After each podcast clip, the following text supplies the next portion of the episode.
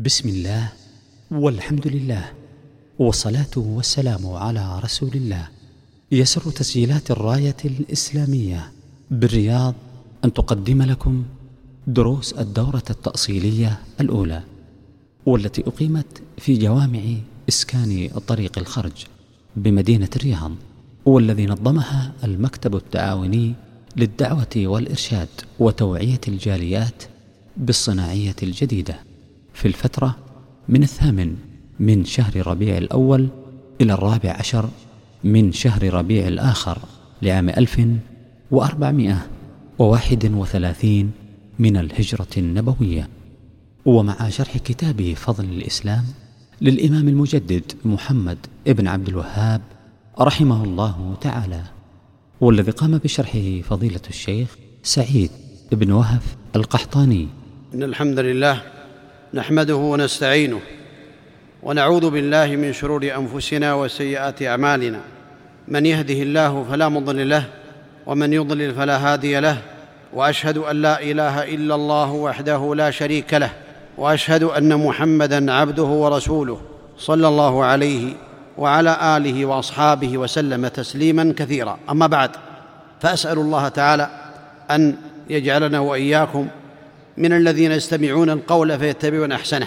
وهذه الليلة في فوائد من كتاب فضائل الإسلام للإمام المجدد شيخ الإسلام محمد بن عبد الوهاب بن سليمان بن علي الوهيبي التميمي الذي ولد رحمه الله تعالى في عام 1115 بالعيينة ونشأ نشأة صالحة على يد والده وهو من علماء نجد الفقهاء أي والده.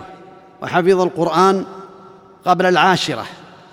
الشيخ محمد بن عبد الوهاب رحمه الله تعالى وتلقى العلم ورحل في طلبه إلى الحجاز وإلى البصرة وإلى الأحساء وإلى بعض البلدان ورجع إلى بلاده ودعا الناس إلى التوحيد فأخرجهم الله تعالى به من ظلمات الشرك والبدع إلى نور الإسلام ونور السنة واتباع النبي عليه الصلاة والسلام ونفع الله تعالى به في هذه الجزيرة فهو المجدد عند أهل العلم لمن درس من معالم الإسلام في النصف الثاني من القرن الثاني عشر. ظهر الشرك في هذه البلاد وظهر ظهرت البدع حتى أن القائل يأتي إلى منفوحه في هذه البلاد في الرياض والمرأة تمر بالنخلة. الذكر وتقول يا فحل الفحول أريد زوجا قبل الحول. ويأتي بعض الناس إلى قبر زيد بن الخطاب ويطوفون به يدعونه من دون الله تعالى وغير ذلك من الشركيات التي لا تخفى على كثير من الناس. ولكن الله تعالى نور بصيرته وهداه إلى أقوم الطرق وعلمه الكتاب والحكمة وسنة النبي عليه الصلاة والسلام ولم يأت بدين جديد إنما ياتي بما جاء به النبي عليه الصلاة والسلام. يعلم الناس التوحيد ويبين لهم الشرك ومضار الشرك وحصل على ما حصل عليه من العذاب ومن الأذى من قومه ومن عشيرته ومن الناس ولكن الله نصره ورفع كلمة التوحيد ويعني نشر هذا الأمر العظيم الذي جاء به من الكتاب والسنة حتى خرج خارج البلاد وتأثرت به أقطار كثيرة غير الجزيرة وهذا من فضل الله تعالى عليه. مكث على هذا سنين وتوفي في سنة ألف ومائتين وستة عن عمر طويل بعد التسعين فنفع الله به وأصلح الله كثيرا من ذريته. فنسأل الله تعالى أن ينفعنا بما علمنا وأن ينفعنا بما سمعنا وأن يجعلنا وإياكم من الهداة المهتدين غير ضالين ولا مضلين. وهذا الكتاب فضل الإسلام. سماه فضل الإسلام وفيه ثلاثة عشر بابا ولكنها أبواب مفيدة للناس عامة ولطالب العلم خاصة لأنه يعلم الناس الخير ويدل الناس على الخير. ونستمع جميعا إن شاء الله إلى قراءة الكتاب ولا أقول أني أشرح هذا الكتاب في هذه الدقائق القصيرة ولكن تعليقات يسيرة وكلمات فوائد على هذا الكتاب وهو واضح والحمد لله آيات وأحاديث وآثار بينة واضحة فإن كان لي من شرح فهو تعليقات يسيرة من باب توضيح المعنى أما الشرح فهو يحتاج إلى وقت طويل وإلى تفصيل تفصيل وإلى لغة وإلى إفراد المعاني وغير ذلك ولكن هذا من باب الفوائد المختصرة على هذا الكتاب العظيم. وصلى الله على محمد. سم الله تعالى. نعم. بسم الله الرحمن الرحيم. اللهم اغفر لنا ولشيخنا وللحاضرين يا رب العالمين. قال الإمام المجدد محمد بن عبد الوهاب شيخ الإسلام رحمه الله تعالى في كتابه فضل الإسلام. بسم الله الرحمن الرحيم. باب فضل الإسلام. وقول الله تعالى اليوم أكملت لكم دينكم وأتممت عليكم نعمتي ورضيت لكم الإسلام دينا. وقوله تعالى قل يا أيها الناس إن كنتم في شك من ديني فلا أعبد الذين تعبدون من دون الله ولكن اعبد الله الذي يتوفاكم. وقوله تعالى يا أيها يا أيها الذين آمنوا اتقوا الله وآمنوا برسوله يؤتكم كفلين من رحمته ويجعل لكم نورا تمشون به ويغفر لكم والله غفور رحيم. وفي الصحيح عن ابن عمر رضي الله عنه رضي الله عنهما أن رسول الله صلى الله عليه وسلم قال مثلكم ومثل أهل الكتابين كمثل رجل استأجر أجيرا فقال من يعمل لي من غدوة إلى نصف النهار على قيراط. هذه الآيات الثلاث المتقدمة يظهر فيها فضل الإسلام الذي أراده المؤلف رحمه الله تعالى. وهي قوله تعالى اليوم أكملت لكم دينكم وأتممت عليكم نعمتي ورضيت لكم الإسلام دينا. فكمال الدين هو فضيلة عظيمة فضل من الله تعالى على عباده أن كمل لهم الدين على طريق عن طريق النبي صلوات الله وسلامه عليه. وأتمم عليهم نعمته نعمة الإسلام نعمة الإيمان نعمة الدين والدنيا. أما نعمة الدين فظاهرة وأما نعمة الدنيا قد قال الله تعالى ومن يتق الله يجعل له مخرجا ويرزقه من حيث لا يحتسب من عمل صالحا من ذكر أو أنثى وهو مؤمن فلنحيينه حياة طيبة ولنجزينهم أجرهم بأحسن ما كانوا يعملون. فهذه نعمة عظيمة حتى أن اليهود قالوا لأصحاب النبي عليه الصلاة والسلام أنزل عليكم آية لو أنزلت علينا لاتخذنا اليوم هذا اليوم عيدا. فبين لهم عمر رضي الله عنه أنه أن هذه هي الآية التي أنزلت على النبي عليه الصلاة والسلام في عرفات وكانت آخر ما أنزل على النبي عليه الصلاة والسلام. لم يبقى بعدها إلا يعني ما يقارب أقل من تسعين يوما وتوفي عليه الصلاة والسلام.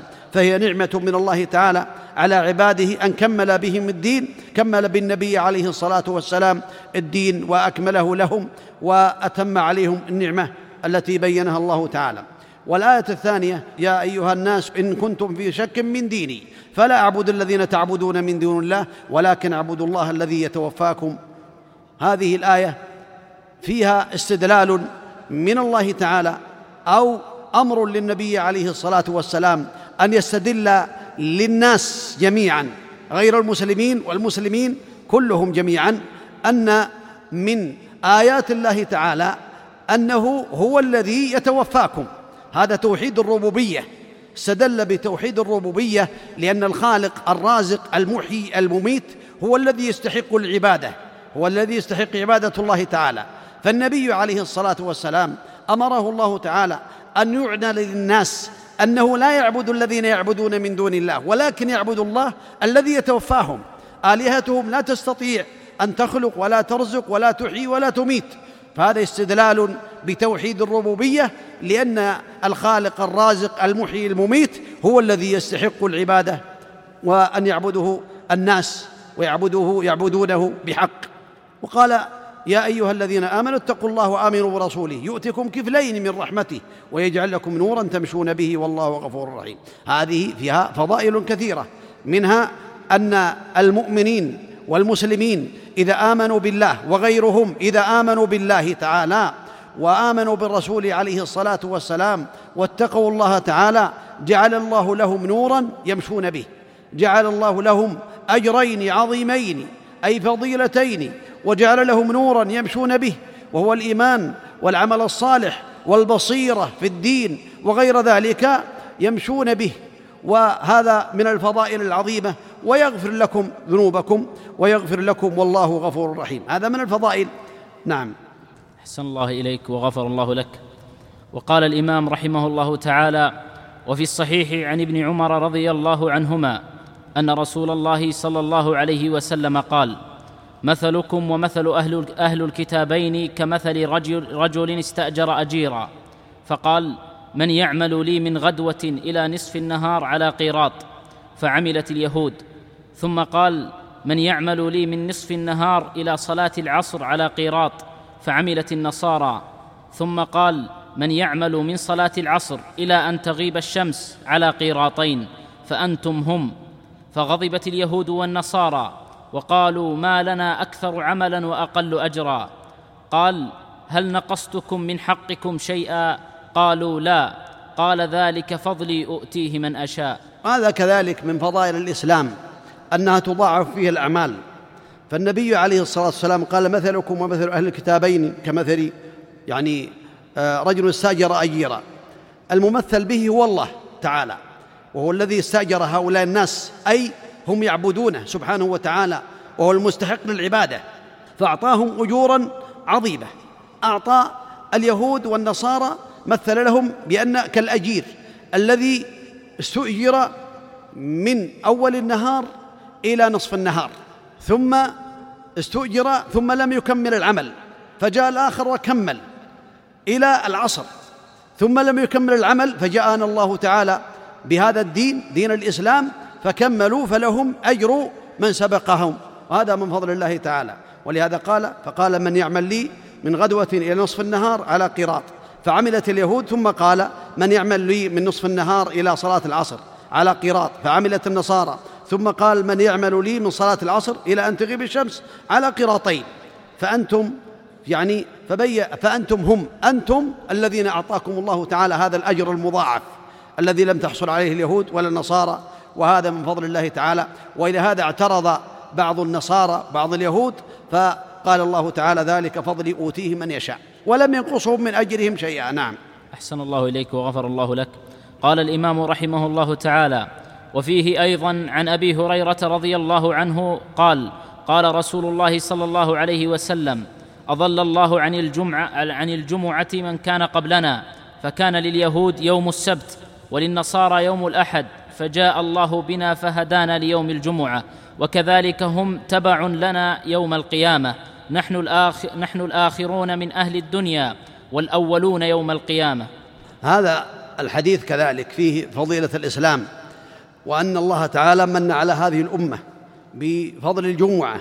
النصارى لم يوفقوا ليوم الجمعة يعني طلب منهم أن يختاروا يوما فلم يختاروا يوم الجمعة اختاروا يعني اليهود اختاروا يوم السبت.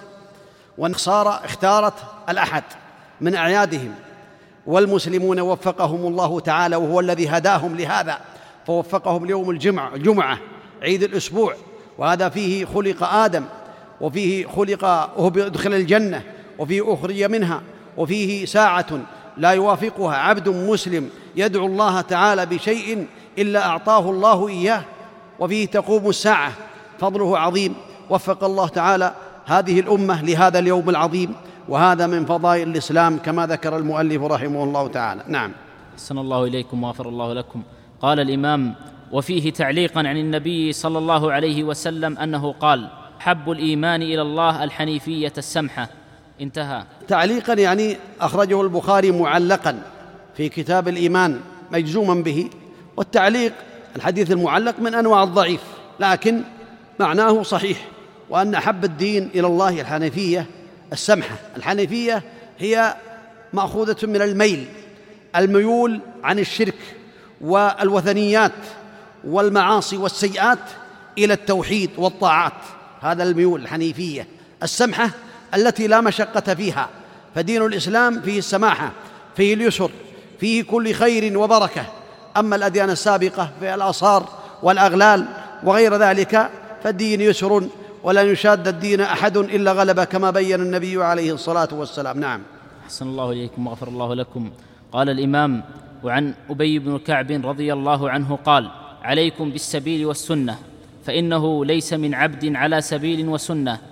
ذكر الله ففاضت عيناه من خشية الله فتمسه النار وليس من عبد على سبيل وسنة.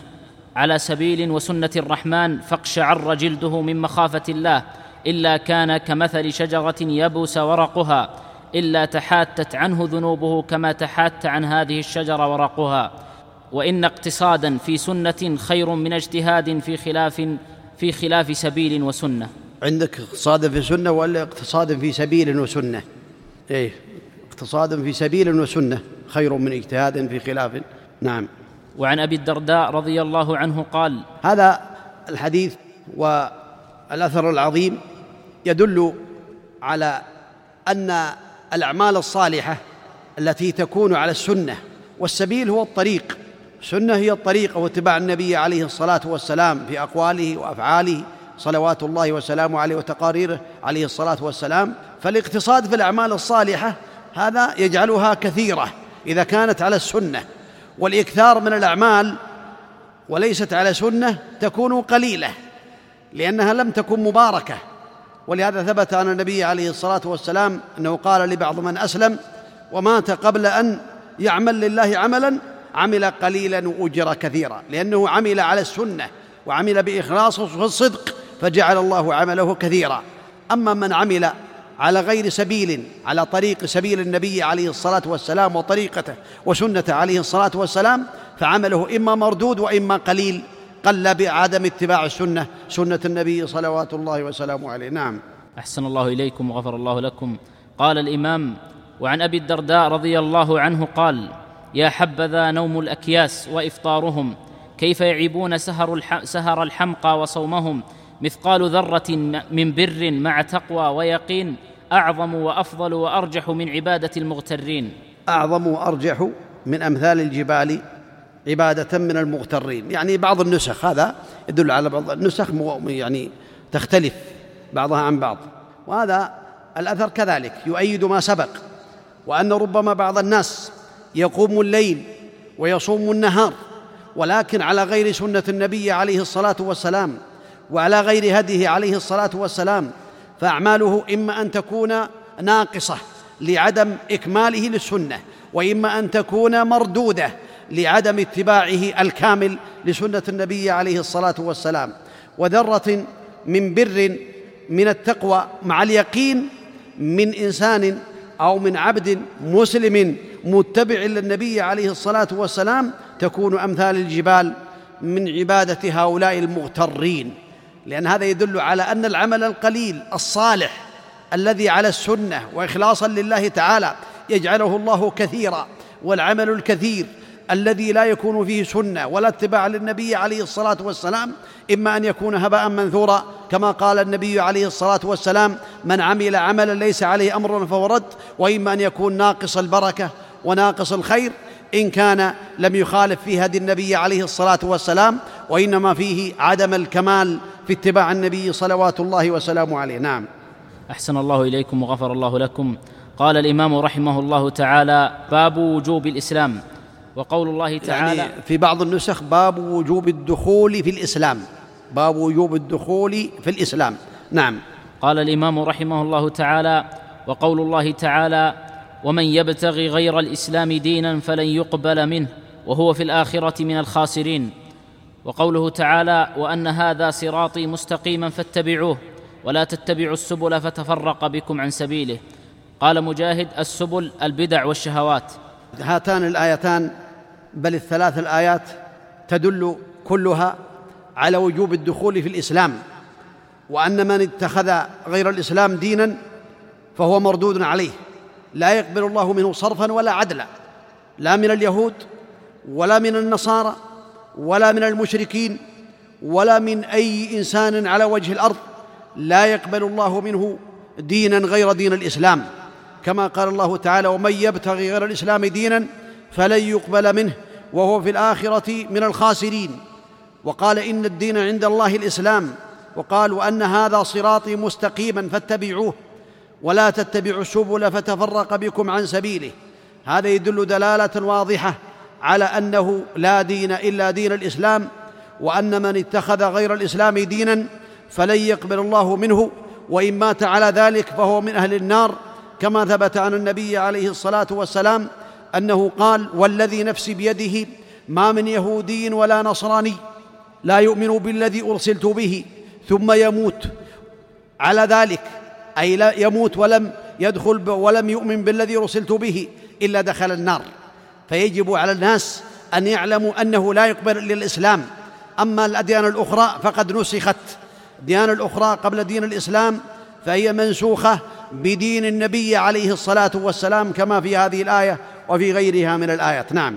أحسن الله إليكم وغفر الله لكم. قال الإمام وعن عائشة رضي الله عنها أن رسول الله صلى الله عليه وسلم قال من أحدث في أمرنا هذا ما ليس منه فهو رد أخرجاه. وفي لفظ من عمل عملا ليس عليه أمرنا فهو رد. كذلك من أحدث في دين الإسلام امرا ولم يأمر به النبي صلوات الله وسلامه عليه فهو مردود عليه لا يقبله الله تعالى. قوله من أحدث في أمرنا هذا ما ليس منه فهو رد هذا يدل على أن من أحدث هذه البدعة أو أحدث هذا الدين الذي يقوله فهو مردود عليه. وربما يقول بعض الناس أنا ما أحدثته أنا عملته. فجاءت الرواية الأخرى تبين أنه حتى ولو لم يحدثه وإنما عمله فهو مردود عليه. من عمل عملا ليس عليه أمرنا فهو رد. نعم. أحسن الله إليكم وغفر الله لكم. قال الإمام رحمه الله وللبخاري عن أبي هريرة رضي الله عنه قال قال رسول الله صلى الله عليه وسلم كل أمتي يدخلون الجنة إلا من أبى. قيل ومن يأبى؟ قال من أطاعني دخل الجنة ومن عصاني فقد أبى. وهكذا هذا الحديث يدل على أن الناس كلهم يدخلون الجنة إذا أطاعوا النبي عليه الصلاة والسلام. وإذا لم يريدوا هذه الجنة وامتنعوا من دخولها فإنهم لا يدخلونها بمعصية النبي عليه الصلاة والسلام. كل امتي يدخلون الجنة إلا من أبى. قيل ومن يأبى؟ يا رسول الله قال من أطاعني فقد دخل الجنة ومن عصاني فقد أبى. وهذا يكون على نوعين والله أعلم. النوع الأول أن يكون ابى الإسلام وابى الدخول في الإسلام فهو يدخل النار من أول وهلة ويكون من الخالدين في النار الذين لا يخرجون منها أبد الآباد. لأنه عصى النبي عليه الصلاة والسلام ولم يدخل في الإسلام. والنوع الثاني يكون من المسلمين لكنه عصى النبي عليه الصلاة والسلام. بارتكاب الكبائر وترك بعض الواجبات فهو يستحق النار والعياذ بالله. فهذا لا يدخل الجنة من أول وهلة لكنه قد يدخلها إن لم يستحل هذه المعاصي والجرائم إن لم يستحلها قد يدخلها بعد التطهير والتمحيص وقد يدخلها من أول وهلة بمغفرة الله تعالى بمغفرة الله تعالى. لأن أهل السنة والجماعة يقولون أهل المعاصي والكبائر تحت المشيئة. إن شاء الله غفر لهم وإن شاء عذبهم ثم يخرجهم من النار. ولهذا قال الله تعالى في القرآن الكريم إن الله لا يغفر أن يشرك به ويغفر ما دون ذلك لمن يشاء. فمن أطاع النبي عليه الصلاة والسلام دخل الجنة ومن عصاه أبى دخول الجنة. نعم. أحسن الله إليكم وغفر الله لكم. قال الإمام رحمه الله تعالى وفي الصحيح عن ابي عن ابن عباس رضي الله عنهما أن رسول الله صلى الله عليه وسلم قال أبغض الناس إلى الله ثلاثة ملحد في الحرم ومبتغ في الإسلام سنة الجاهلية ومطلب دم امرئ مسلم بغير حق ليهريق, ليهريق دمه رواه البخاري. ويندرج فيها كل جاهلية مطلقة أو مقيدة أي في شخص دون شخص كتابية أو وثنية أو غيرهما من كل مخالف لما جاء به المرسلون. هذا كذلك. يكمل لما مضى بينوا أبغض الناس إلى الله ثلاثة ملحد في الحرم الملحد هو الذي يميل عن الحق إلى الباطل والإلحاد في الحرم يكتب حتى ولو لم يحصل ومن يرد فيه بإلحاد بظلم نذقه من عذاب أليم فالإرادة في الحرم سواء كان المكي أو المدني الإرادة تكتب عليه خاصة المدني المكي إذا أراد الإلحاد والعمل في الحرم بشيء حرمه الله تعالى فالله تعالى يذيقه من عذاب أليم كما بينه النبي كما بينه النبي عليه الصلاة والسلام. والمدينة كذلك من عمل فيها من أحدث فيها حدثا الحديث فعليه لعنة الله أو أوى محدثا فعليه لعنة الله والملائكة والناس أجمعين. هكذا يدل يدل هذا الحديث على أن الملحد في الحرم هو من أبغض الناس إلى الله تعالى. وهذا الحديث ليس للحصر في الثلاثة وإنما هو من باب التغليظ أو من باب البيان وإلا هو من آه، من أبغض الناس إلى الله تعالى. ومتبع في الإسلام سنة الجاهلية يعني لم يتبع في سنة الإسلام سنة النبي عليه الصلاة والسلام. سواء كان ذلك خروجا عن الإسلام فهو يعم اليهودية والنصرانية أو كان ذلك من المسلمين لكنه اتبع سنة الجاهلية. كما في حديث إنك امرؤ فيك جاهلية. حينما عير الرجل بأمه قال إنك قال يا ابن السوداء قال إنك امرؤ فيك جاهلية. كذلك ومطلب دم امرئ مسلم بغير حق ليهريق دمه. كذلك يعني قتل المسلمين وإهراق دماء المسلمين من الأمور العظيمة ومن الأمور المحرمة ومن أكبر الكبائر العظيمة التي حذر عنها ربنا عز وجل وحذر عن النبي عليه الصلاة والسلام. ولو كان هذا يعني الإهراقة أو إراقة الدماء من الكفار للكفار المستأمنين أو المعاهدين أو الذميين لأن الكفار على أربعة أنواع حربيون فهذا هم حلال الدم والمال. الذين ليس لهم عهد ولا أمان ولا ذمة فهؤلاء حربيون. إمام المسلمين إذا أراد قتالهم في أي وقت على حسب طاقته فهو يعني الأمر إليه. أما غيرهم الثلاثة الأخرى الذي هو المستأمن المستأمن الذي دخل ديار المسلمين بأمان ويدل ذلك على الجواز أو دخل أو كان ذميا يدفع الجزية أو كان معاهدا بينه وبين المسلمين عهد.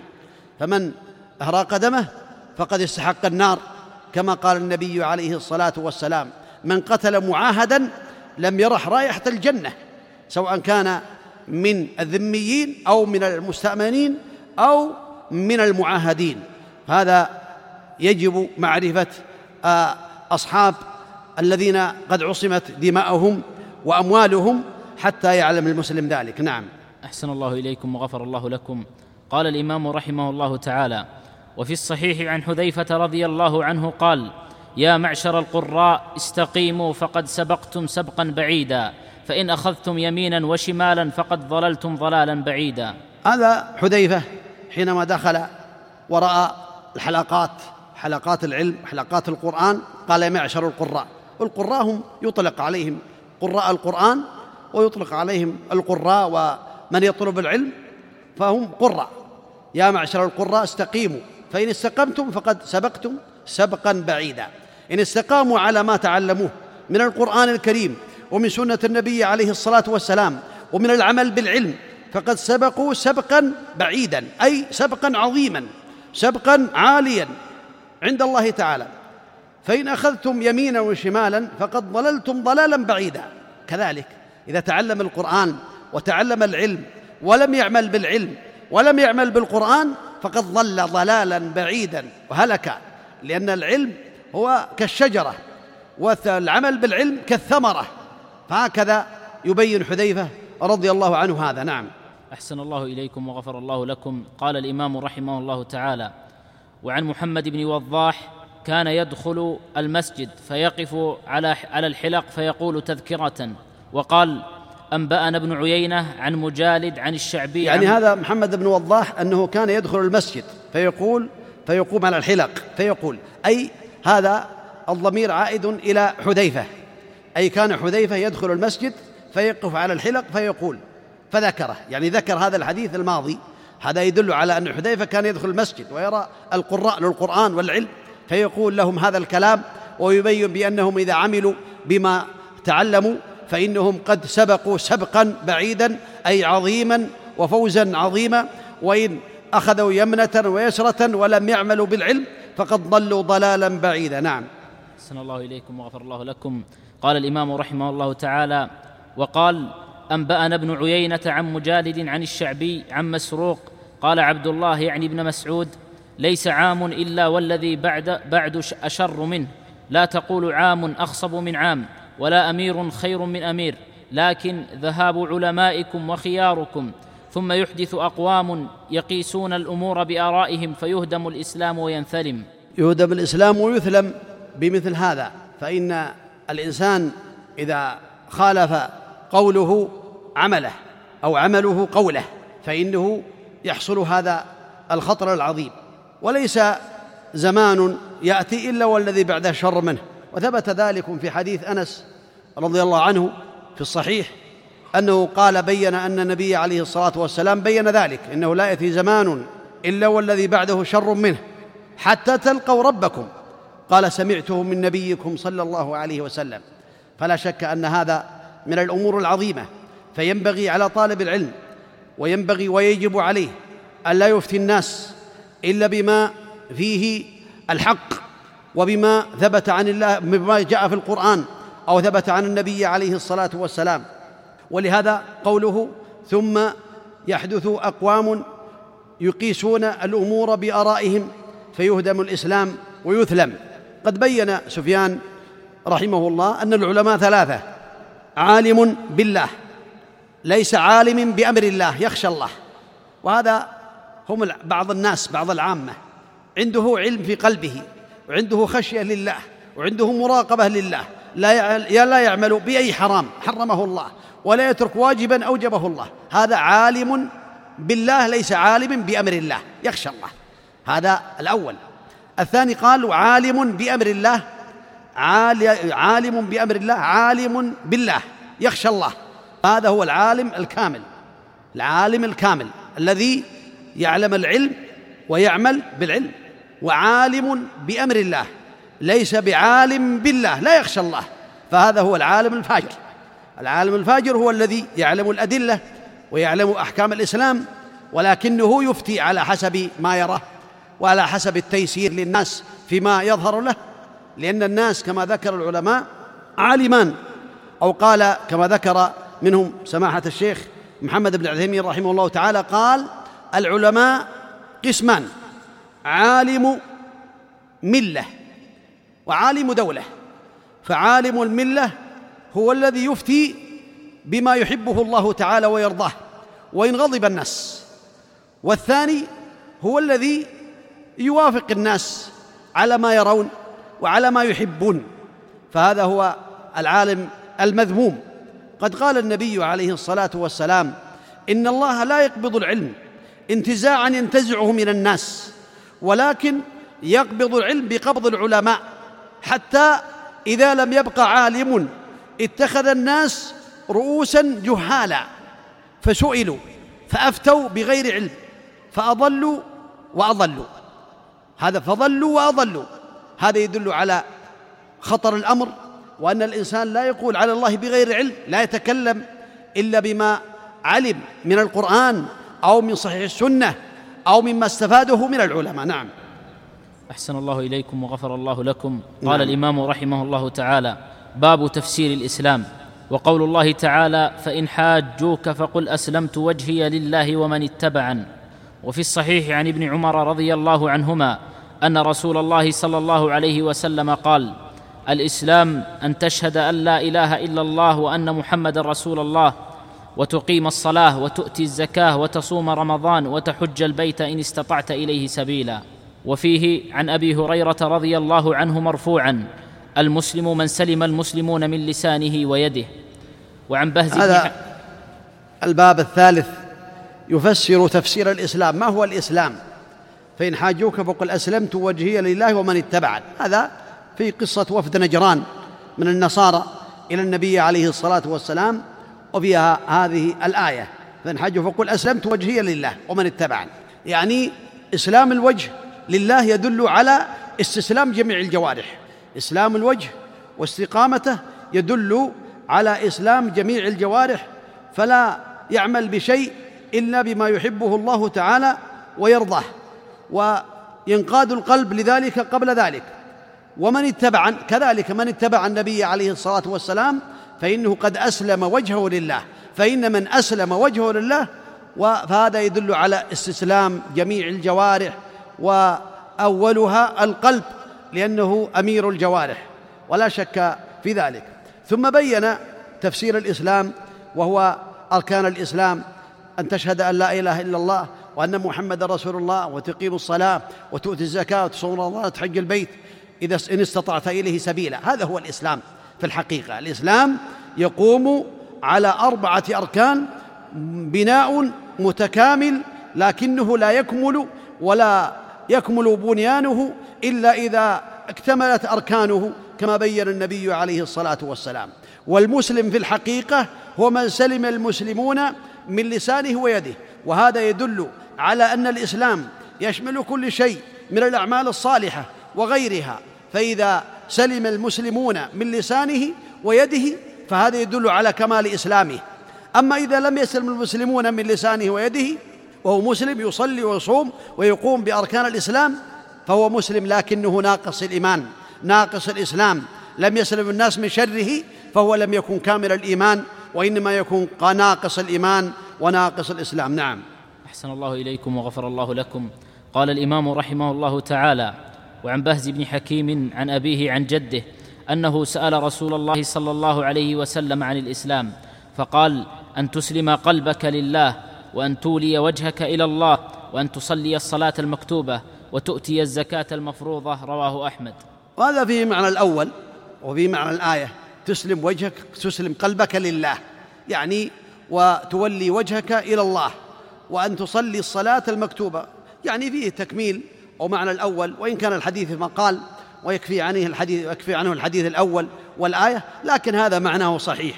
إسلام القلب هو يعني خضوعه لله وانقياده لأوامر الله والوجه كذلك إقباله على أوامر الله وصرفه وينصرف عن كل ما يغضب الله تعالى. نعم. أحسن الله إليكم وغفر الله لكم. قال الإمام رحمه الله تعالى وعن أبي قلابة عن عمرو بن عبسة عن رجل من أهل الشام عن أبيه أنه سأل رسول الله صلى الله عليه وسلم ما الإسلام؟ قال أن تسلم قلبك لله ويسلم المسلمون من لسانك من لسانك ويدك. قال أي الإسلام أفضل؟ قال الإيمان. قال وما الإيمان؟ قال أن تؤمن بالله وملائكته وكتبه ورسله والبعث بعد الموت. هذا كما تقدم. هذا كما تقدم وأضاف إليه الإيمان بالله وملائكته وكتبه ورسله وباليوم الآخر وبالقدر خيره وشره وبعد الموت. هذا هو المعنى.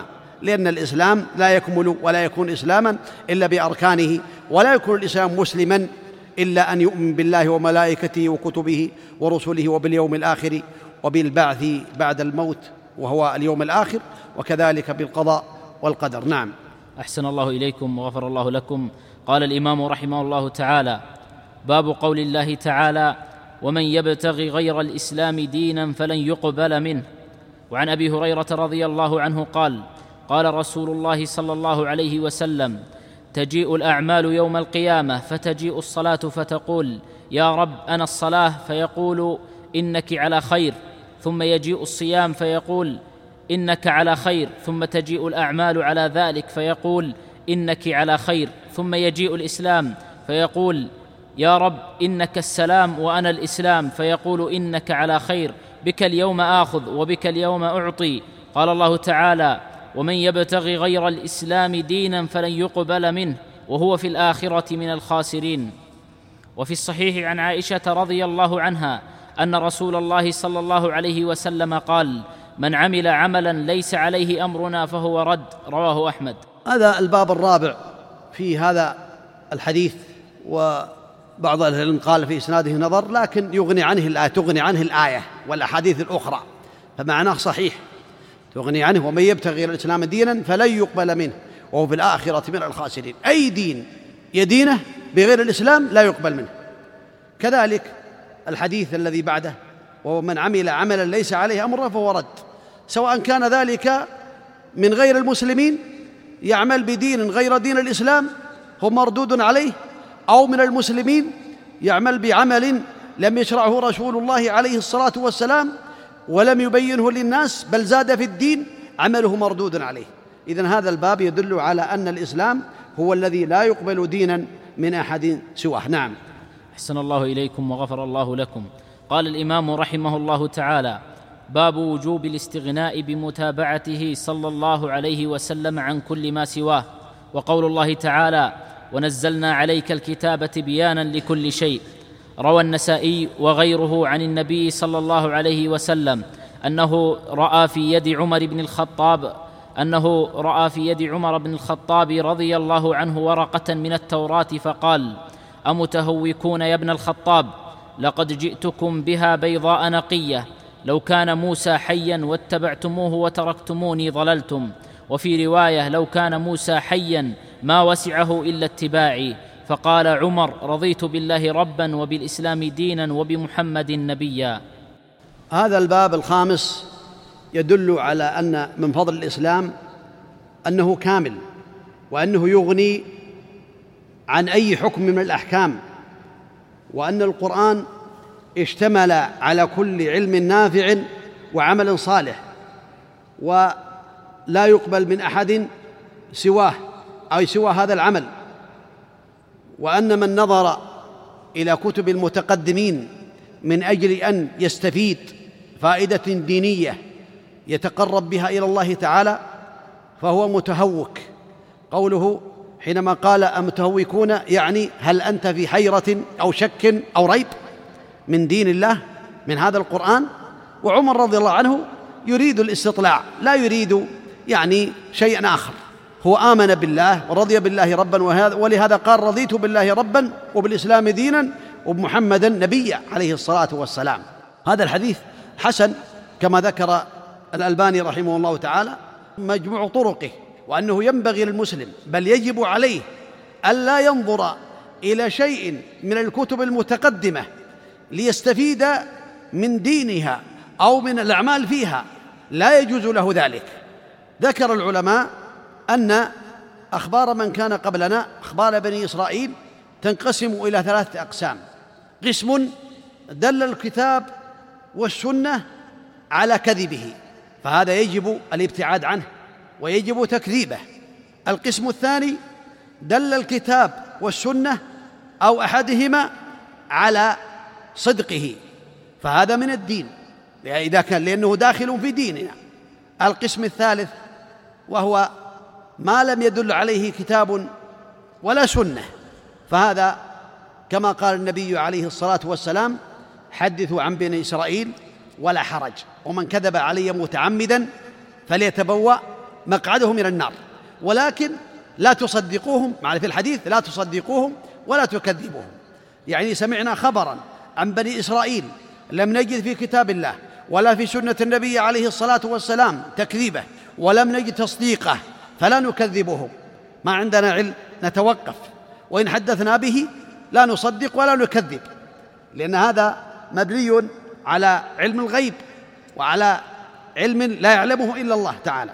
وذكر العلماء بأن النظر في الكتب المتقدمة كالتوراة وال يعرفون هذا فلا بأس بذلك أن يطلعوا عليها حتى يردوا عليهم يردوا عليهم بباطلهم ويبين لهم ما نسخ ويبين لهم التحريف هذا خاص بعلماء الإسلام ولكن الراسخين في العلم كذلك. ليس كل عالم له أن يقرأ في التوراة والإنجيل لا.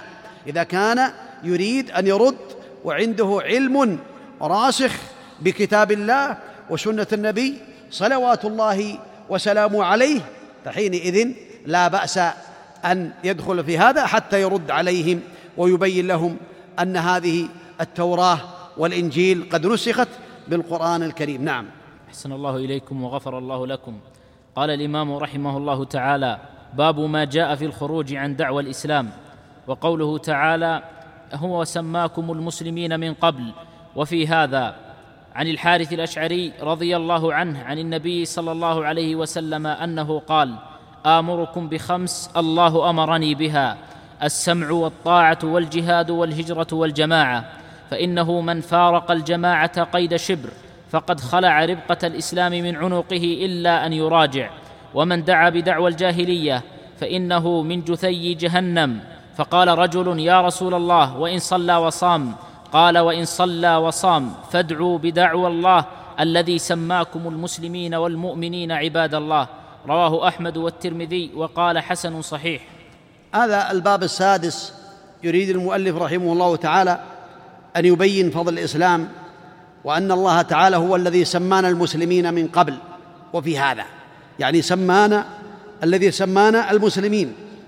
فينبغي للمؤمن أن يعتز بالإسلام وأن يعتز بدين الله تعالى ولا يأخذ بالشعارات الأخرى من البدع والخرافات والحزبيات أو أمور أخرى ينتسب إلى حزبية أو أمور بدعية أو جماعة غير من تسمى سماه المسلمين. فينبغي المسلم أن يثبت على أن يقول وإنني من المسلمين. لا يقول إني حزبي ولا حزب الله ولا بعث الله ولا غير ذلك وإنما يعتز بدين الإسلام لأن الله هو الذي سمانا المسلمين.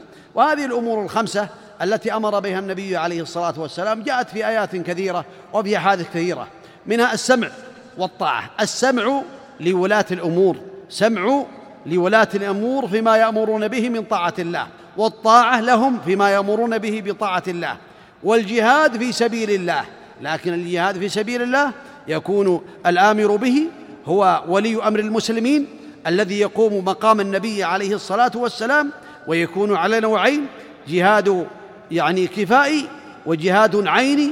فالجهاد العيني يجب ويكون فرضا على الناس بثلاثة أمور أن يدخل عدو العدو والبلاد أو يحضر الإنسان الصف صف الجهاد في سبيل الله تعالى أو يدعوه ويستنفره ولي أمر المسلمين فيكون فرض فيكون الجهاد من الفرائض الإسلام في هذه الأمور الثلاثة.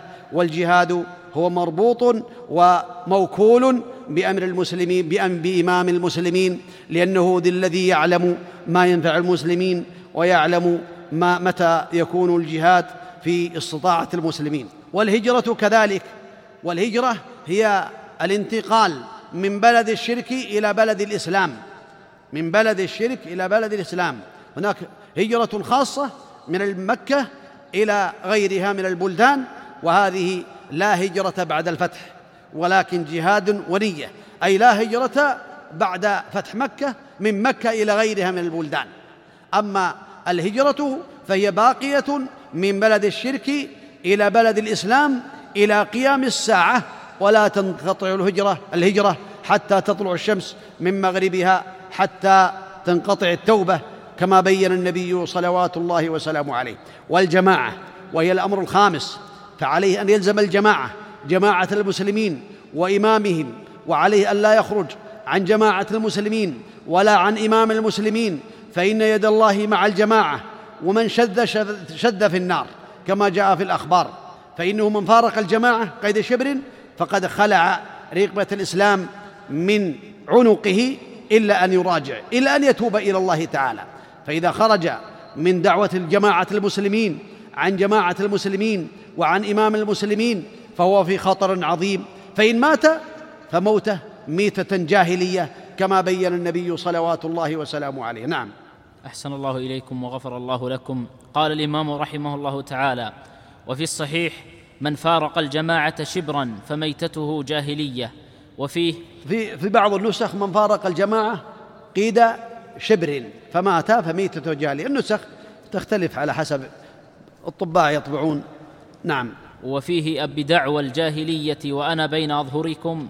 قال أبو العباس كل ما يخرج عن دعوى الإسلام والقرآن من نسب أو بلد أو جنس أو مذهب أو طريقة فهو من عزاء الجاهلية.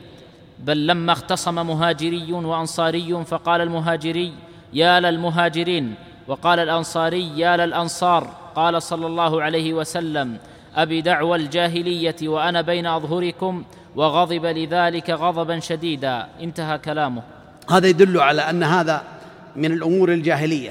فارق الجماعة قيد شبر فمات فميتته ميتة جاهلية كما بين النبي عليه الصلاة والسلام بحيث ترك الجماعة وشذ وترك يعني أمير الجماعة إمام المسلمين وشذ فإنه قد دعا دعا بدعوى الجاهلية. كذلك بين النبي بين في هذا الحديث أن هذا الأمر عام فمن فارق الجماعة وهذا يكون بمفارقة القرآن سواء كان ذلك من نسب أو في بلد أو جنس يعني انتسب إلى نسب أو بلد أو جنس أو مذهب أو طريقة فهو من عزاء الجاهلية يعني من أمور الجاهلية التي حذر عنها النبي عليه الصلاة والسلام. ولهذا لما اختصم مهاجرين وانصاري فقال المهاجري يا للمهاجرين يدعوهم. هذا يعني يدعوهم للنصرة على الأنصار. وقال الانصاري يا للأنصار. فقال النبي عليه الصلاة والسلام ابدع الجاهلية وأنا بين أظهركم وغضب لذلك غضبا شديدا عليه الصلاة والسلام. فلا ينبغي للمسلم أن ينادي ولا ينتسب إلى نسب من باب العزاء الجاهلية وإلى ولا إلى قبيلة ولا إلى بلد. أنا من البلد الفلاني أنا من القبيلة الفلانية. أو وإنما ينتسب إلى الإسلام وإلى دين الإسلام وإلى ما يحبه الله تعالى من أمور الإسلام. نعم. أحسن الله إليكم وغفر الله لكم. قال الإمام رحمه الله تعالى باب وجوب الدخول في الإسلام كله وترك, وترك ما سواه. وقول الله تعالى يا أيها الذين آمنوا ادخلوا في السلم كافة. وقوله وقول الله تعالى ألم تر إلى الذين يزعمون أنهم آمنوا بما أنزل إليك وما أنزل من قبلك؟ وقوله تعالى يوم تبيض وجوه وتسود وجوه. قال ابن عباس رضي الله عنه تبيض وجوه أهل أهل السنة والائتلاف. وتسود وجوه أهل البدع والاختلاف. عن عبد الله بن عمرو رضي الله عنه قال قال رسول الله صلى الله عليه وسلم ليأتين على أمتي ما أتى على بني إسرائيل حذو النعل بالنعل حتى إن كان منهم من أتى أمه علانية كان في أمتي من يصنع ذلك. وأن بني إسرائيل افترقت على اثنتين وسبعين ملة. وتمام الحديث قوله وتفترق هذه الأمة على ثلاث وسبعين فرقة كلهم في النار إلا ملة واحدة. قالوا ومن, قالوا من هي يا رسول الله؟ قال ما أنا عليه وأصحابي. يا لها موعظة لو وافقت من القلوب حياة. رواه الترمذي الترمذي وروي أيضا من حديث معاوية عند أحمد عند أحمد وأبي داود وفيه إنه سيخرج من أمتي. قوم تتجارى بهم تلك الأهواء كما يتجارى الكلب بصاحبه فلا يبقى منه عرق ولا مفصل إلا دخله. وتقدم قوله ومبتغ في الإسلام سنة الجاهلية. هذا الباب يدل على الوجوب في الدخول في الإسلام كله في جميع شرائع الإسلام. قوله يا أيها الذين يا أيها الذين آمنوا ادخلوا في السلم كافة لكل الإسلام. اصولا الاصول والفروع وكل شيء من الأعمال. فينبغي المسلم بل يجب عليه أن يعمل بأمور الإسلام كلها. لقول الله تعالى يا أيها الذين آمنوا ادخلوا في السلم كافة. قوله ألم تر إلى الذين يزعمون أنهم آمنوا بما أنزل إليك وما أنزل من قبلك. الآية. قوله إن الذين فرقوا دينهم وكانوا شيعا لست منهم في شيء. الآية. قال ابن عباس كما سمعتم يوم تبيض وجوه وتسود وجوه أي تبيض وجوه أهل السنة والائتلاف. وتسود وجوه أهل البدع والاختلاف. أهل السنة تبيض وجوههم عند الله تعالى يوم القيامة لأنهم عملوا بسنة النبي عليه الصلاة والسلام. قد بين النبي عليه الصلاة والسلام هذا بيانا واضحا صلوات الله وسلامه عليه. وهذا الحديث الثاني فيه التحذير من التشبه بالكفار واليهود والنصارى. ليأتين على أمتي ما أتى على بني إسرائيل. حذو النعل بالنعل. في الحديث كله التحذير من التشبه بالكفار اليهود والنصارى والمشركين. ولهذا قال النبي عليه الصلاة والسلام من تشبه بقوم فهو منهم. صلوات الله وسلامه عليه. نعم. سن الله إليكم وغفر الله لكم. قال الإمام رحمه الله تعالى باب ما جاء أن البدعة أشد من الكبائر. لقوله عز وجل إن الله لا يغفر أن يشرك به ويغفر ما دون ذلك لمن يشاء. وقوله تعالى ليحملوا أوزارهم كاملة يوم القيامة ومن أوزار الذين يضلونهم بغير علم ألا ساء ما يزرون. وفي الصحيح أنه صلى الله عليه وسلم قال في الخوارج أينما لقيتموهم فاقتلوهم. وفيه أنه نهى عن قتل امرأة الجو امرأة الجور أمراء الجور ما صلوا. وعن جرير بن عبد الله وعن جرير عن عبد الله أن رجلا تصدق بصدقة. ثم تتابع الناس فقال رسول الله صلى الله عليه وسلم من سن في الإسلام سنة حسنة فله أجرها وأجر من عمل بها من بعده من غير أن ينقص من أجورهم شيء ومن سن في الإسلام سنة سيئة كان عليه وزرها ووزر من عمل بها من غير أن ينقص من أوزارهم شيء رواه مسلم. وله من حديث أبي هريرة ولفظه من دعا إلى هدى ثم قال من دعا إلى ضلالة. هذا الباب كذلك الباب الثامن في ما جاء أن البدعة أشد من الكبائر. البدعة لا شك أنها أشد من الكبائر لأن أعظم الذنوب عند الله تعالى الشرك بالله. إن الله لا يغفر أن يشرك به ويغفر ما دون ذلك لمن يشاء. ومن أظلم ممن افترى على الله كذبا ليضل الناس بغير علم. قوله تعالى ليحملوا أوزارهم كاملة يوم القيامة ومن أوزار الذين يضلونهم بغير علم. ألا ساء ما يزرون. الخلاصة أن البدعة هي أكبر من الكبائر أعظم من الكبائر. ولهذا ذكر الإمام ابن القيم رحمه الله تعالى أن عقبات الشيطان سبع عقبات. العقبة الأولى يدعو الإنسان إلى الشرك بالله تعالى.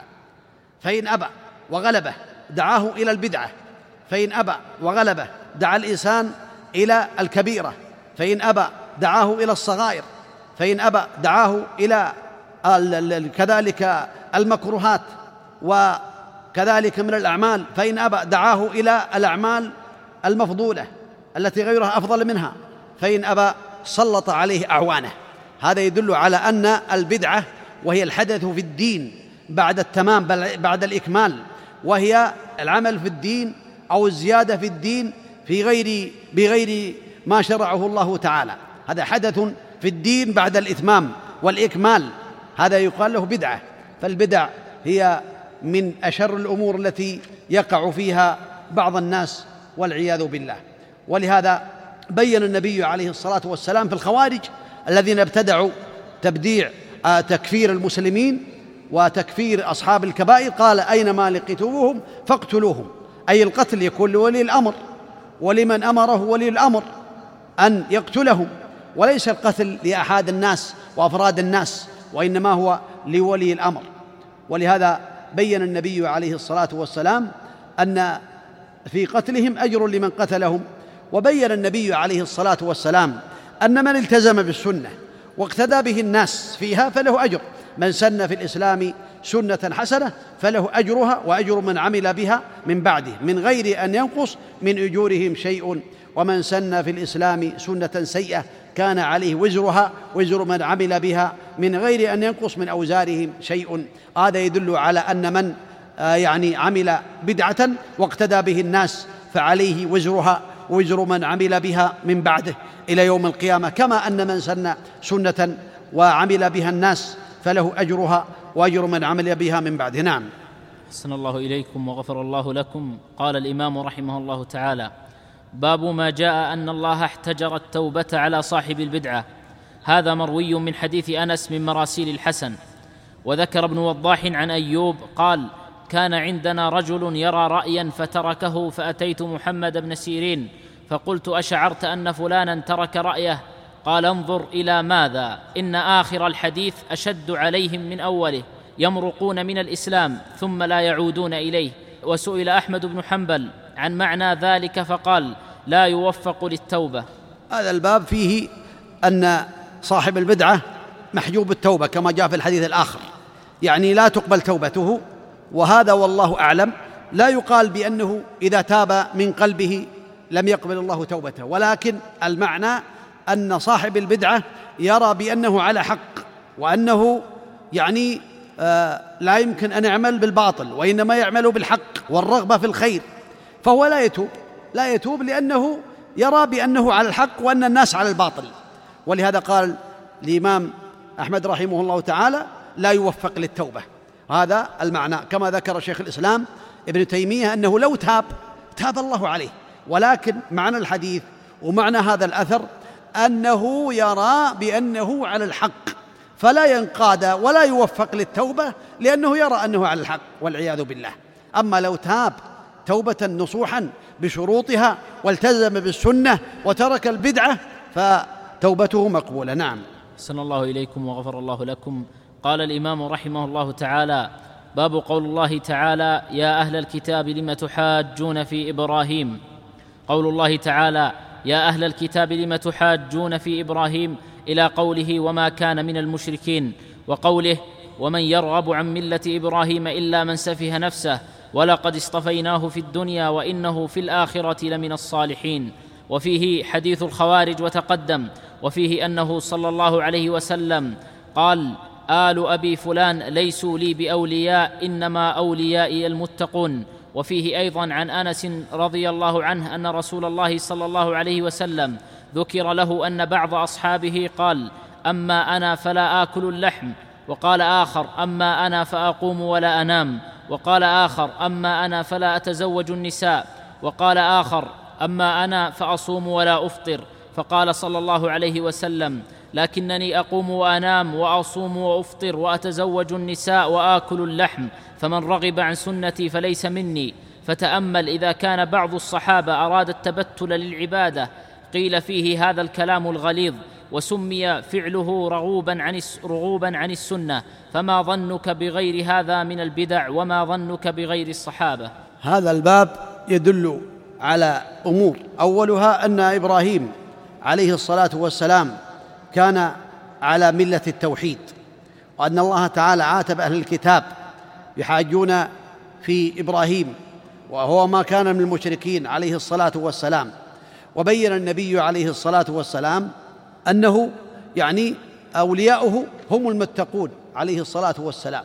وفي هذا الحديث الأخير البيان بأن الصحابة رضي الله عنهم حينما أرادوا الخير سمعوا النبي عليه الصلاة والسلام أو سمعوا بعمل النبي عليه الصلاة والسلام وأن عمله ديمة وأعماله عظيمة فقالوا أين نحن من النبي عليه الصلاة والسلام؟ فقال أحدهم أما أنا فلا أتزوج النساء. يعني يتبتل ولا يتزوج. وقال الآخر أما أنا فأصوم ولا أفطر. وقال الآخر أما أنا فأقوم ولا أرقد. وقال الآخر أما أنا فلا أكل اللحم.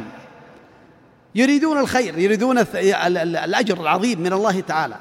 فبين النبي عليه الصلاة والسلام لهم حينما أنكر عليهم وقال لكني أقوم وأنام وأصوم وأفطر وأتزوج النساء وأكل اللحم فمن رغب عن سنتي عن سنتي فليس مني. هذا يدل على الأمر العظيم وأنه من أصحاب النبي عليه الصلاة والسلام. فكيف بمن عمل الأعمال الأخرى من البدعيات التي تخالف أمر النبي صلوات الله وسلامه عليه بل تخالف دينه عليه الصلاة والسلام كما كان سواء كان ذلك من بدعة الخوارج أو المعتزلة أو الجهمية أو غيرهم من أنواع البدع وأهل البدع والأهواء. هذا يدل على أن هذه العبادات كلها كلها مردودة ولا تقبل ابدا ومرغوب بها عن سنة النبي عليه الصلاة والسلام. نعم. أحسن الله إليكم وغفر الله لكم. قال الإمام رحمه الله تعالى باب قول الله تعالى فأقم وجهك للدين حنيفا. قول الله تعالى فأقم وجهك للدين حنيفا فطرة الله التي فطر الناس عليها.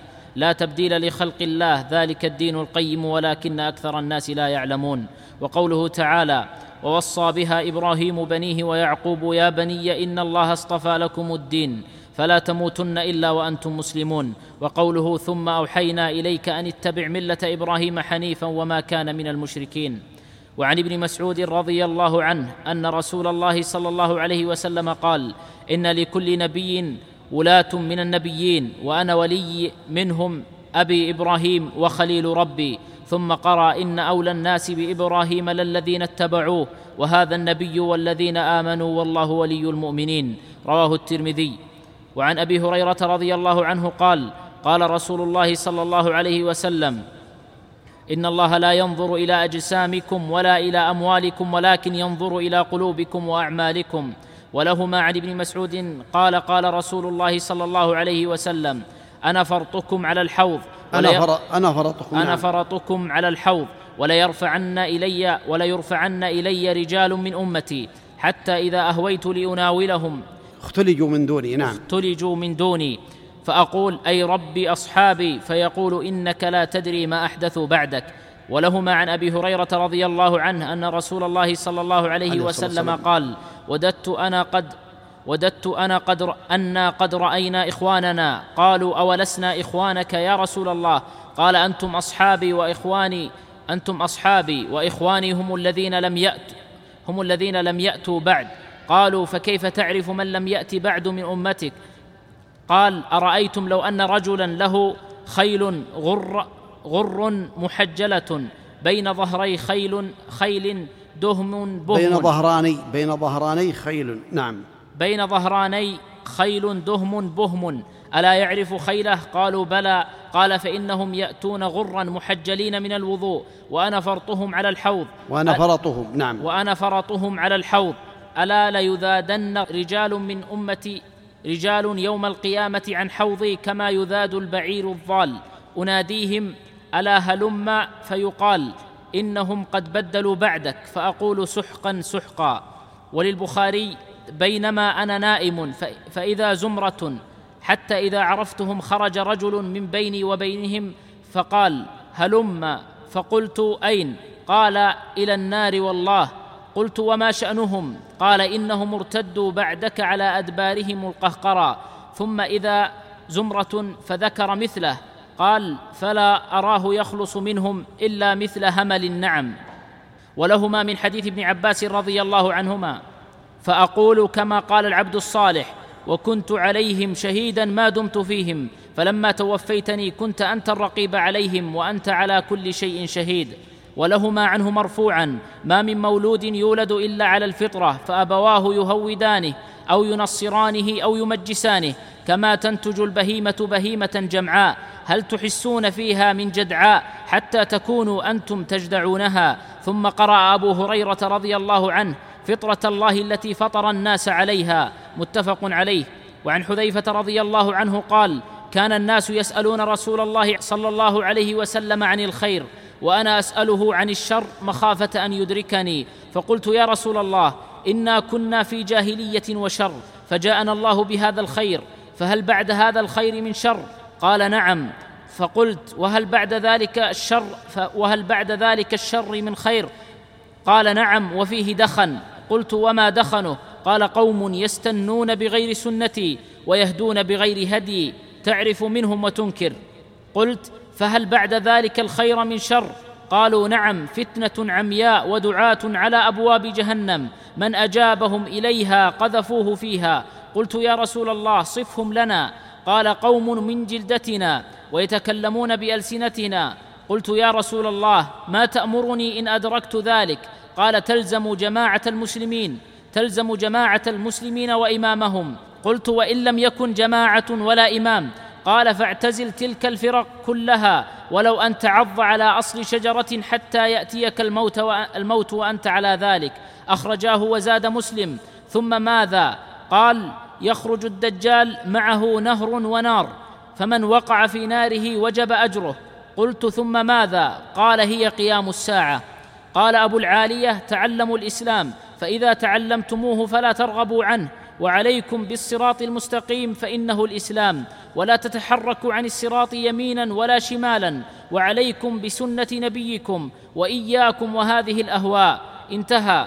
تأمل كلام أبي العالية هذا ما ما أجله وما ما أجله وما واعرف زمانه الذي يحذر فيه من الأهواء التي من اتبعها فقد رغب عن الإسلام وتفسير الإسلام بالسنة وخوفه على أعلام التابعين وعلمائهم من الخروج عن السنة والكتاب يتبين لك معنى قول الله تعالى إذ قال له ربه أسلم. وقوله تعالى ووصى بها إبراهيم بنيه ويعقوب يا, ب... يا بني إن الله اصطفى لكم الدين فلا تموتن إلا وأنتم مسلمون.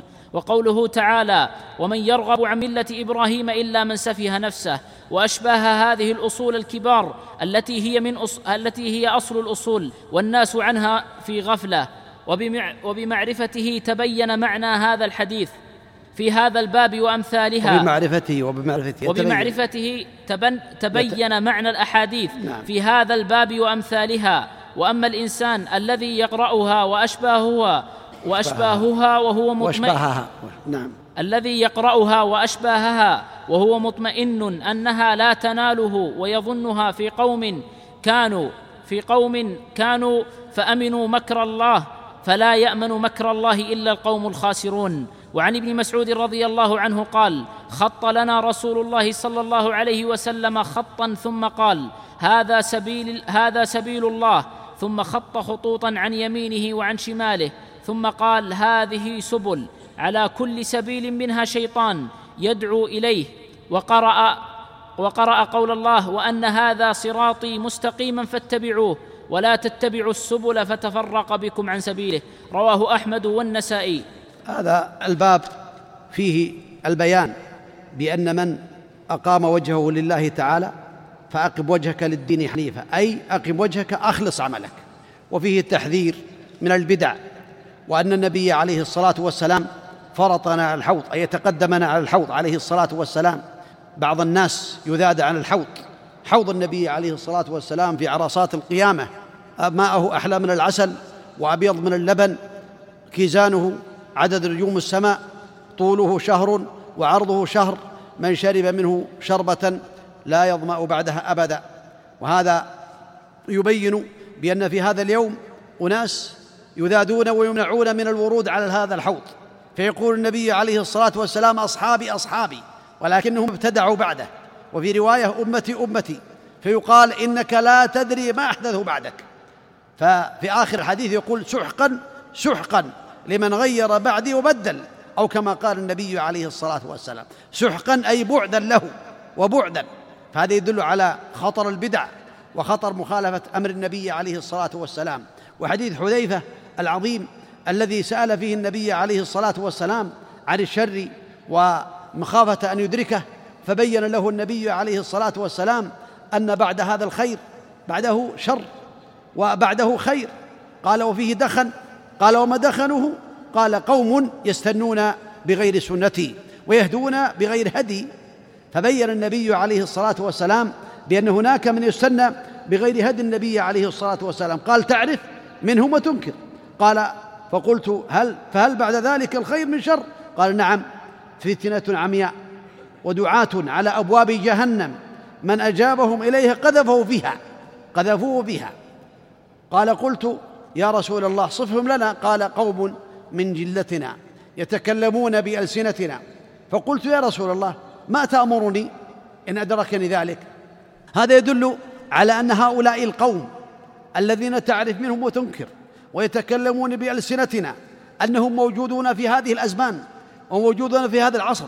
فما تسمع من مخالفة أمر النبي عليه الصلاة والسلام ومن الدعوة إلى الاختلاط ومن الدعوة إلى نبذ الحجاب ومن الدعوة إلى السفور والعري وغير ذلك هؤلاء هم الذين من جلدتنا ويتكلمون بألسنتنا كما بين النبي صلوات الله وسلامه عليه. ثم أمره بعد ذلك فقال فاعتزل قال فإن لم يكن قال فما تأمرني إن أدركني ذلك. قال تلزم جماعة المسلمين وإمامهم. قال فإن لم يكن لهم فإن لم يكن لهم إمام ولا جماعة. قال فاعتزل تلك الفرق كلها حتى تلقى الله ولو أن تعض على شجرة حتى تلقى الله وأنت على ذلك. اذا هذا يدل على التحذير على التحذير من البدع والتحذير من مخالفة أمر النبي صلوات الله وسلامه عليه. نعم. أحسن الله إليكم وغفر الله لكم. قال الإمام رحمه الله تعالى. باب ما جاء في غربة الإسلام وفضل الغرباء وقول الله تعالى فلولا كان من القرون من قبلكم أولو بقية ينهون عن الفساد في الأرض إلا قليلا ممن أنجينا منهم. الآية وعن أبي هريرة مرفوعا بدأ الإسلام غريبا وسيعود غريبا كما بدأ فطوبى للغرباء. رواه مسلم ورواه أحمد من حديث ابن مسعود وفيه من الغرباء؟ قال النزاع من القبائل والذين يصلحون فس إذا فسد الناس. وللترمذي من حديث كثير بن عبد الله عن أبيه عن جده فطوبى للغرباء الذين يصلحون ما أفسد الناس من سنتي. وعن أبي أمية قال سألت أبا ثعلبة كيف تقول في هذه الآية؟ يا أيها الذين آمنوا عليكم أنفسكم لا يضركم من ضل إذا اهتديتم. قال أما والله لقد سألت عنها خبير لقد سألت عنها خبيرا. سألت رسول الله صلى الله عليه وسلم فقال بل ائتمروا بالمعروف وتناهوا عن المنكر حتى إذا رأيتم شحا مطاعا وهوى متبعا ودنيا مؤثرا وإعجاب كل ذي رأي برأيه فعليك بنفسك ودع عنك العوام. فإن من ورائكم اياما الصابر فيها مثل القابض على الجمر. الصابر؟ الصابر فيهن نعم. مثل القابض على الجمر. للعامل فيهن أجر خمسين. أجر خمسين رجلا يعملون مثل عملكم. قلنا منا أم منهم؟ قال بل منكم رواه أبو داود والترمذي. وروى ابن وضاح معناه من حديث ابن عمر ولفظ ولفظه إن من بعدكم اياما للصابر فيها المتمسك بدينه مثل ما أنتم عليه اليوم. له أجر خمسين منكم. ثم قال أنبأنا محمد بن سعيد. أنبأنا قال أنبأنا أسد. قال سفيان بن سفيان بن عيينة عن البصري عن سعيد أخي الحسن يرفعه قال إنكم اليوم على بينة من ربكم تأمرون بالمعروف وتنهون عن المنكر وتجاهدون في سبيل الله ولم يظهر فيكم السكرتان سكرة الجهل وسكرة حب, حب العيش وستحو وستحولون عن ذلك. فالمتمسك يومئذ بالكتاب والسنة له أجر خمسين. قيل منهم قال بل منكم وله بإسناد عن يعني فيه نقص قال فلا تأمرون بالمعروف ولا تنهون عن المنكر ولا تجاهدون في الله وتظهر فيكم السكرتان. فالمتمسك يومئذ بالكتاب والسنة له أجر خمسين. قيل من هم قال لا بل منكم. نعم كمل. وله اسناد بإسناد. وله بإسناد عن المعافري قال قال رسول الله صلى الله عليه وسلم طوبى للغرباء الذين يتمسكون بالكتاب حين يترك. ويعملون بالسنة حين تطفى. هذا الباب فيه بيان الغرباء غربة الإسلام وفضل الغرباء. فلا شك أن الغرباء هم الذين قال فيهم النبي عليه الصلاة والسلام بدا الإسلام غريبا وسيعود غريبا كما بدا فطوبى للغرباء. فسئل عنهم النبي عليه الصلاة والسلام من الغرباء؟ قال النزاع من القبائل. الغرباء الذين يصلحون إذا فسد الناس وفي لفظ يصلحون إذا فسد الناس. وربما يصلحون ما أفسد الناس. هؤلاء هم الغرباء النزاع من القبائل. تجد الإنسان الملتزم بطاعة الله المستقيم على دين الله إذا كان في بعض البلدان ومستقيم بالسن على السنة ومبتعدا عن البدعة غريب بين أهل المبتدع بين البدع وبين الخرافات وأهل الإيمان غرباء بين المنافقين وبين دعاة الضلالة وغير ذلك. هم غرباء يصلحون ما أفسد الناس. ويصلحون إذا فسد الناس. هؤلاء هم الغرباء الذين مدحهم النبي عليه الصلاة والسلام وأنا أقول في هذا يعني اختصار والكلام واضح في هذا ولكن الغرباء هم الذين بينهم النبي عليه الصلاة والسلام. يصلحون إذا فسد الناس ويصلحون إذا ما أفسد الناس ويصلحون ويصلحون وغير ذلك من الأعمال التي يفسدها الناس. نعم.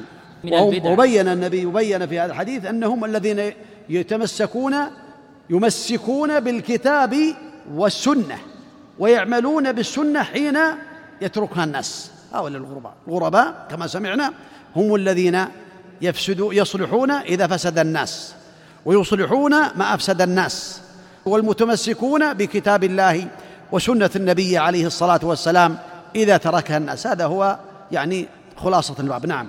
أحسن الله إليكم وغفر الله لكم. قال الإمام رحمه الله تعالى باب التحذير من البدع. عن العرباض بن سارية قال وعظنا رسول الله صلى الله عليه وسلم موعظة بليغة. قلنا يا رسول الله كأنها موعظة مودع فأوصنا. قال أوصيكم بتقوى الله عز وجل والسمع والطاعة وإن أمر عليكم عبد وإنه من يعش منكم فسيرى اختلافا كثيرا. فعليكم بسنتي وسنة الخلفاء الراشدين المهديين عضوا عليها بالنواجذ وإياكم ومحدثات الأمور فإن كل بدعة ضلالة. قال الترمذي حديث حسن صحيح وعن حذيفة قال كل عبادة لا يتعبدها أصحاب محمد فلا تعبدوها فإن الأول لم يدع للآخر مقالا. فاتقوا الله يا معشر القراء وخذوا طريق من كان قبلكم رواه أبو داود. وقال الدارمي أخبرنا الحكم بن المبارك أنبأنا عمرو قال أنبأنا عمرو بن يحيى قال سمعت سمعت أبي يحدث عن أبيه قال كنا نجلس على باب عبد الله بن مسعود قبل صلاة الغداه فإذا خرج مشينا معه إلى المسجد إلى المسجد فجاءنا أبو موسى الأشعري فقال أخرج أبو عبد الرحمن؟ قلنا لا. فجلس معنا فلما خرج قال يا أبا عبد, عبد الرحمن إني رأيت في المسجد أمرا أنكرته ولم أرى والحمد لله إلا خيرا. قال فما هو؟ فقال إن عشت فتراه. قال رأيت في المسجد قوما حلقا جلوسا ينتظرون الصلاة. في كل حلقة رجل وفي أيديهم حصى فيقول كبروا مئة فيكبرون مئة فيقول هل هللوا مئة فيهللون مئة فيقول يعني جالسين في المسجد وعندهم واحد إمام لهم يقول كبروا مئة فيكبرون مئة فإذا انتهوا قال سبحوا مئة فيسبحون مئة وهكذا. هذا اسمعوا كلام مسعود الله نعم. فيقول هللوا مئة فيهللون مئة فيقول سبحوا مئة فيسبحون مئة. قال فماذا قلت لهم؟ قال ما قلت لهم شيئا انتظروا أمر أمرك. قال أفلا أمرتهم أن يعد أن يعدوا سيئاتهم؟ وضمنت لهم أن الله أن ضمنت لهم ألا يضيع ألا يضيع من حسناتهم شيئا. هذا يدل على أنهم على بدعة وضلالة. كون يقول سبحوا مية كبروا مية هللوا مية اذكروا الله. ويعدون بدون سنة. هذا يدل على أنهم يعني في الحقيقة على بدعة مخالفة لهدي النبي عليه الصلاة والسلام. إما أن يكونوا خير هدي من أصحاب النبي عليه الصلاة والسلام أو يكونوا العابدة ضلالة كما يقول ابن مسعود كما ستسمعون ولكن قال ابن مسعود قال أنا أضمن لكم لو تعدون سيئاتكم سيئاتكم. أما حسناتكم فلا يضيع الله تعالى منها شيئا. كبر ما شئت وادعو ما شئت وسبح ما شئت ولا تعد. فالله تعالى هو الذي يحفظ لك إلا ما وردت السنة بتقييده. كمن قال لا إله إلا الله وحده شريك له له الملك والحمد وعلى كل شيء قدير في اليوم مئة مرة. أو قال سبحان الله وبحمده سبحان الله العظيم سبحان الله وبحمده سبحان الله وبحمده سبحان الله العظيم. أو قال سبحان الله وبحمده مئة. هذه ما وردت به السنة هو السنة. أما كون الإنسان يأتي ببدع لم يشرعها النبي عليه الصلاة والسلام فهذا لا يجوز له ذلك. نعم. ثم مضى حتى أتى حلقة حلقة فقال ما هذا؟ قالوا له حصى نعد به التكبير والتهليل والتسبيح. قال فعدوا سيئاتكم فأنا ضامن ألا يضيع, ألا يضيع من حسناتكم شيء. ويحكم يا أمة محمد ما أسرع هلكت هلكتكم. هؤلاء صحابة نبيكم متوافرون وهذه ثيابه لم تبل وهذه لم ثياب تبلى لم تبلى يعني ما ما انتهت ثيابه باقي ثيابه ما بليت. نعم. وهذه وأنتم تعملون هذه البدعة. تعملون البدعة هذا التسبيح الذي لم يشرعه النبي عليه الصلاة والسلام بالأعداد هذه المذكورة. وهذا ثيابه لم تبلى عليه الصلاة والسلام. وأصحابه موجودون. وأنتم تعملون هذه البدعة. نعم. وهذه ثيابه لم تبل وآنيته لم تكسر. والذي نفسي بيده إنكم لعلى ملة هي أهدى من ملة والذي نفسي بيده إنكم لعلى ملة هي أهدى من ملة محمد. أو مفتتحوا باب ضلالة. قالوا والله يا أبا عبد الرحمن ما أردنا إلا خيرا. ما اردنا الخير يقول أنتم إما قد أتيتم بعمل أفضل من عمل النبي عليه الصلاة والسلام وأفضل من عمل الصحابة. وهذا لا يقول به مسلم أصلا ولا يقول به عاقل. وإما أن تأتوا وإما أن تكونوا على ضلالة. والعياذ بالله. قالوا ما أردنا الخير نعم. قالوا والله يا أبا عبد الرحمن ما أردنا إلا خيرا.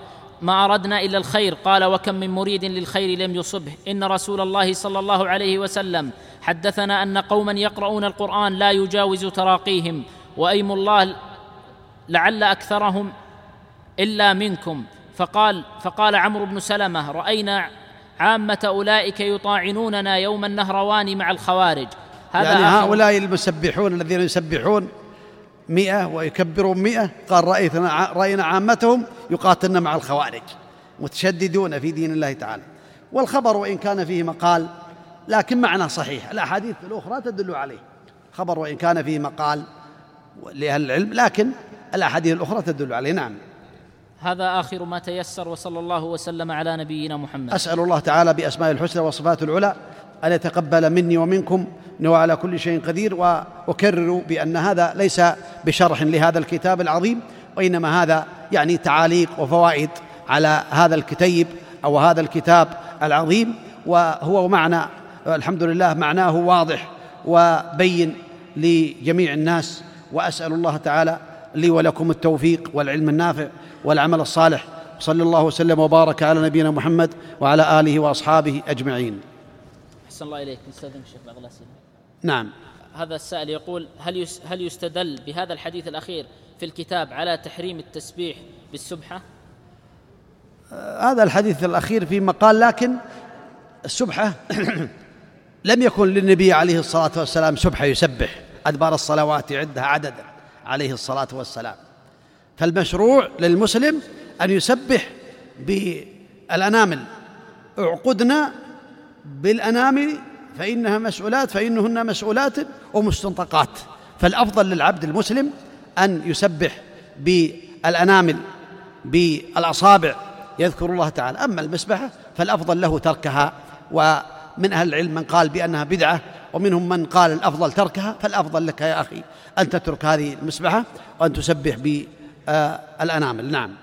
هذا السائل يقول أحسن الله إليك يا شيخنا ما ارتباط آية إن الله لا يغفر أن يشرك به ويغفر ما دون ذلك لمن يشاء بباب ما جاء أن البدعة أشد من الكبائر. فإن الآية تتكلم عن الشرك والباب يتكلم عن البدع. فأرجو التوضيح. هذا والله أعلم واضح من سياق المؤلف.